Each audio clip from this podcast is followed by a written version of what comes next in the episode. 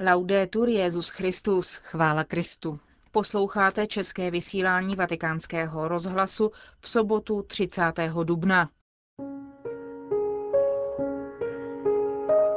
Církev v této zemi se v tvrdých dobách stála a má i nadále být silnou ne tak počtem, jako opravdovosti víry a také svou otevřeností a solidarností se všemi, kdo hledají pravdu a milují svobodu.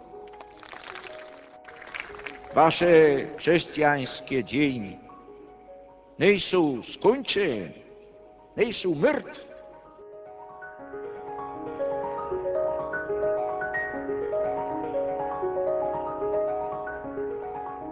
Slova Jana Pavla II. z jeho první návštěvy v tehdejším Československu v roce 1990 zahájila náš pořad v předvečer jeho beatifikace. Té také věnujeme následující minuty. Od mikrofonu vás zdraví Markéta Šindelářová a Johana Bronková.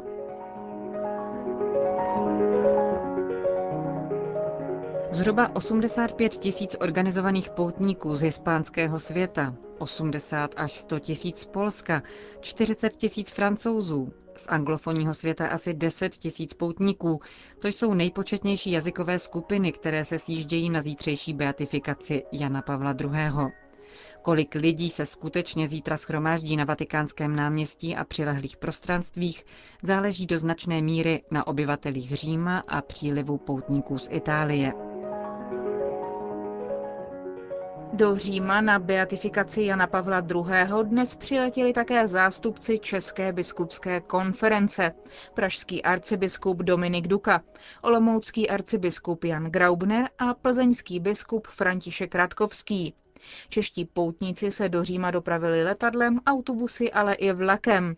Letecká třídenní pouť začala dnes a podle tiskového střediska České biskupské konference by celkový počet účastníků z České republiky na beatifikaci měl překročit 500 lidí. V tomto čísle ale nejsou zahrnuti ti, kteří do Říma budou cestovat individuálně po vlastní ose. Biskupové kromě hlavního programu beatifikace připravili pro české a moravské poutníky v Římě na pondělí 2. května v 16 hodin mimořádné setkání v Bazilice svatého kříže Jeruzalémského, která je titulární bazilikou emeritního arcibiskupa pražského kardinála Miloslava Vlka. Beatifikace papeže Jana Pavla II. se ve Vatikánu zúčastní také první místo předseda vlády a ministr zahraničních věcí České republiky Karel Schwarzenberg. Ten dnes dopoledne poskytl našemu rozhlasu rozhovor, ve kterém zavzpomínal na Jana Pavla II. tak, jak měl možnost se s ním setkat. Pane ministře, přijel jste na beatifikaci Jana Pavla II. Kdy jste se poprvé dozvěděl o existenci této osobnosti ještě třeba před zvolením na Petru stolec? Je ve skutečnosti teprve těsně před zvolením. A pak jsem, to byl den, kdy ta zpráva přišla, byl u mě hostem na Schwarzenbergu Klaus Dornem.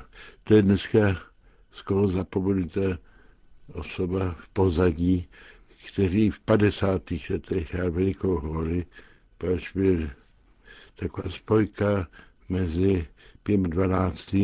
Adenauem a Američany a před válkou založil první antinacistický noviny zpráva. Víc byl to SAS, i hned to došel roce 33 do emigrace. Hitler ho osobně nenáviděl. A byl komovičený inteligentní člověk, se se mnou měl naučit a byl u mě. A najednou přišla ta zpráva. Jsme se na sebe podívali a věděli jsme, to je teď ten dějný zlom. Teď se dávají věci do pohybu. Popravdě řečeno jsme se na oslavu Později jsme na ten častěji svíme opravdu poctivě ožrali, vypili jsme čtyři pět eh, hlavý vína z radostí a diskutovali do rána, co to může mít za následky. Následky byly ještě větší, než jsme teda tušili. A kdy jste se poprvé setkal s Janem Pavlem II? Viděl jsem ho poprvé zblízka to přišel ještě před rokem 89 na návštěvu do Vídně. Já jsem teda byl a toho jsem ho poprvé aspoň viděl zblízka. Protože jsem 6 hodin, ale to byl nezapomenutelný zážitek. On měl už silný charisma. No a později jsem měl opravdu nečekanou čest, že jsem byl pozván do Castel Gandolfa.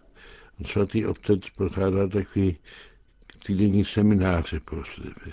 Jedno, obrok, jedno to byly humanitní vědy, jedno přírodovědecký. Já jsem byl ovšem u toho prvního.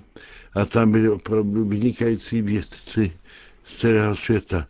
Papan ze Singapuru a z, a z Ameriky, z Německa, z Polska. Prostě pozval nejpozoruhodnější lidi, jak já jsem se tam dostal úplně jiných důvodů, protože opravdu ne do této duchovní třídy se nepatří. A bylo to strašně zajímavé to poslouchat. Geremek tam taky vždycky byl. A to byl zážitek, protože ty přednášky se stály za to. Svatý otec tam opravdu seděl jako student, zapisoval si všechno pilně a potom byly po přednáškách diskuse. Se nikdy nepodílel, a když ho někdo zajímal, co řekl, ať to byl přednášející nebo diskutant, tak se vyzdvih, šel s ním do těch několika metrů hlubokých výkenků, těch v Kastelgandorfa, jak jsou ty zdi tam někde ze středověku, tam se to přitáhne a během přestávky to důkladně s ním podiskutoval. Na večerní přednáškách chyběl obyčejně, pač to vždycky, jsem se dozvěděl, čtyři hodiny meditoval. Každý den. A velký byl zážitek taky oběd se svatým otcem, protože velmi frugální jídlo, velmi skromné, a takto italské, ale obyčejně byla přece jedna polská polívka, nebo něco polského to muselo být. A pak, což byla ovšem výraz obzvláštní sympatie, Monsignor Hidlivíš, teď už arcibiskup Krakovský, schromáždil tam lidi a oddělil ovce od kozlů a nás východoevropské kozly schromáždil kolem malé skřínky. Svatý otec přistoupil, otevřel skřínku a každý z nás malinký štampel vodky podle dobrého polského zvyku. A pak to ví, západáci neznali, tak aby neuvedli v tom té situaci, tak jsme to dostali jenom my. Ale on byl neskutečný. A opravdu s tím zažít a například při tom ohmědu, jak tu konverzaci řídil, když se někdo, což i ty mezi duchovními veličanými jsou ješitové, někdo se příliš vytahoval, příliš no, mluvil, tak ho velice jemným způsobem upozornil. Řídit tu konverzaci. A přitom strašně jsme, aby opravdu vtipný. To bylo nejenom, eh, řekněme, poučení, ale taky opravdu poctivá sranda někdy. To opravdu zábavný to bylo. Ale myslím, to, to je takový osobní zážitky, že ten člověk opravdu změnil svět. O tom nebudíš pochyby. Já bych řekl, co málo někdo ví, jak měl nás a Slováky rád. Už ti přišel poprvé po převratu do eh, Československa ještě, ano. Tehdy už řekl, že něco udělá mistru Janu Husovi. A pak tedy leta letoucí později jsem dokonce měl možnost u toho být, kde právě on řekl, že Jan Hus byl reformátor církve. A myslím tím taky strašně přispěl k tomu vztahu Čechů k církvi, kde pořád tedy tyto události hrály svou roli. Tedy to, co udělal ve směru, aby Češi se vyrovnali s vlastní minulostí, to bylo velmi důležité. A že to bylo jeho osobní nasazení, to vím velmi dobře také. Na Jana Pavla II. vzpomínal minister zahraničí Karel Schwarzenberg, který se zítra zúčastní beatifikační bohoslužby. Věřící, kteří se do Říma nedostanou, si budou moci atmosféru této události přiblížit alespoň prostřednictvím televizních obrazovek. Dnešní vigílii z římského cirka Maxima, stejně jako zítřejší beatifikační bohoslužbu, přenáší televize Noe a mimořádný program připravila i česká televize.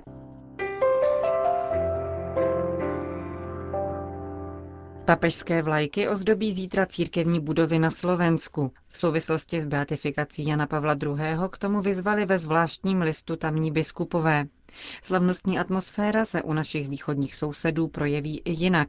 V Ružomberoku dostane park před katolickou univerzitou jméno polského papeže. Na řecko-katolickém poutním místě v Litmanové obdrží zítra poutníci růžence Jana Pavla II., získané od kardinála Diviše. Oficiální slovenskou státní delegaci v Římě vede prezident republiky Ivan Gasparovič. Přijíždí také většina biskupů a stovky věřících. Přes 700 jich dnes vyrazilo k Římu zvláštním vlakem vypraveným z Košic přes Bratislavu. Nejrůznějšími dopravními prostředky překonávají nemalé vzdálenosti také poutníci ze Španělska. Kromě autobusů, vlaků a letadel připluli k Římu také dvě zvláštní lodi, vypravené z Barcelony a Valencie.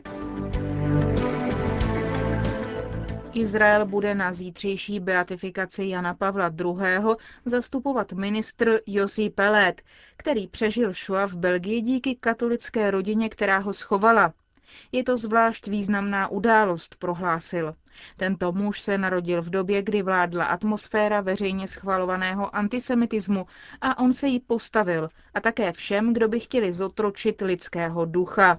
Izraelský ministr ocenil mimo jiné rozhodnutí Jana Pavla II. navázat diplomatické vztahy se státem Izrael. Žádný jiný člověk není vhodnější k tomu, aby představoval pravého ducha křesťanství. Jan Pavel II. byl nejdůležitější osobností 20. století, uznávají bosenští muslimové u příležitosti ohlášení, že v centru Sarajeva bude vstyčen pomník na jeho památku. Šéf muslimské komunity v Bosně Mustafa Ceric připomněl návštěvu polského papeže v Sarajevu v roce 1997, rok po skončení války v Bosně a Hercegovině. Všichni nosíme v srdci jeho snahu o mír a jeho poselství naděje, dodal šéf bosenských muslimů. A na závěr ještě jedna aktualita z dnešního programu Benedikta XVI. V dnešní společnosti jsou ve hře hodnoty pro dobro lidstva základní a veřejné mínění, na jehož formování se výrazně podílíte, je často dizorientováno a rozděleno. To řekl papež v promluvě ke schromáždění Evropské rozhlasové a televizní unie, které v minulých dnech hostil vatikánský rozhlas. Benedikt XVI. naznačil, že úkolem médií je přinášet správné a vyvážené informace a poskytovat prostor pro debatu vedoucí k řešení palčivých problémů dneška. Jak řekl, jde o zadání vyžadující celou řadu osobních kvalit a zejména trpělivé hledání každodenní pravdy, která společnost orientuje. Úlohu katolické církve v tomto procesu papež pojmenoval s odkazem na svou přednášku v londýnské Westminster Hall. Náboženství, řekl, má pomáhat v hledání objektivních morálních principů, má očisťovat rozum, totiž tak, že mu pomáhá odolat překrucování a ideologické manipulaci nebo aplikacím pouze částečným, které neberou plně v potaz důstojnost lidské osoby. Na druhou stranu náboženství potřebuje rozumovou korekturu, aby neupadalo do excesivních poloh, jako je integralismus nebo sektářství. V závěru Benedikt XVI. vyjádřil vděčnost všem členům Unie, kteří se konkrétně podílejí na spolupráci s jeho službou při přenosech liturgií během hlavních svátků církevního roku nebo u příležitosti papežských cest. Končíme české vysílání vatikánského rozhlasu. Chvála Kristu. Laudetur Jezus Christus.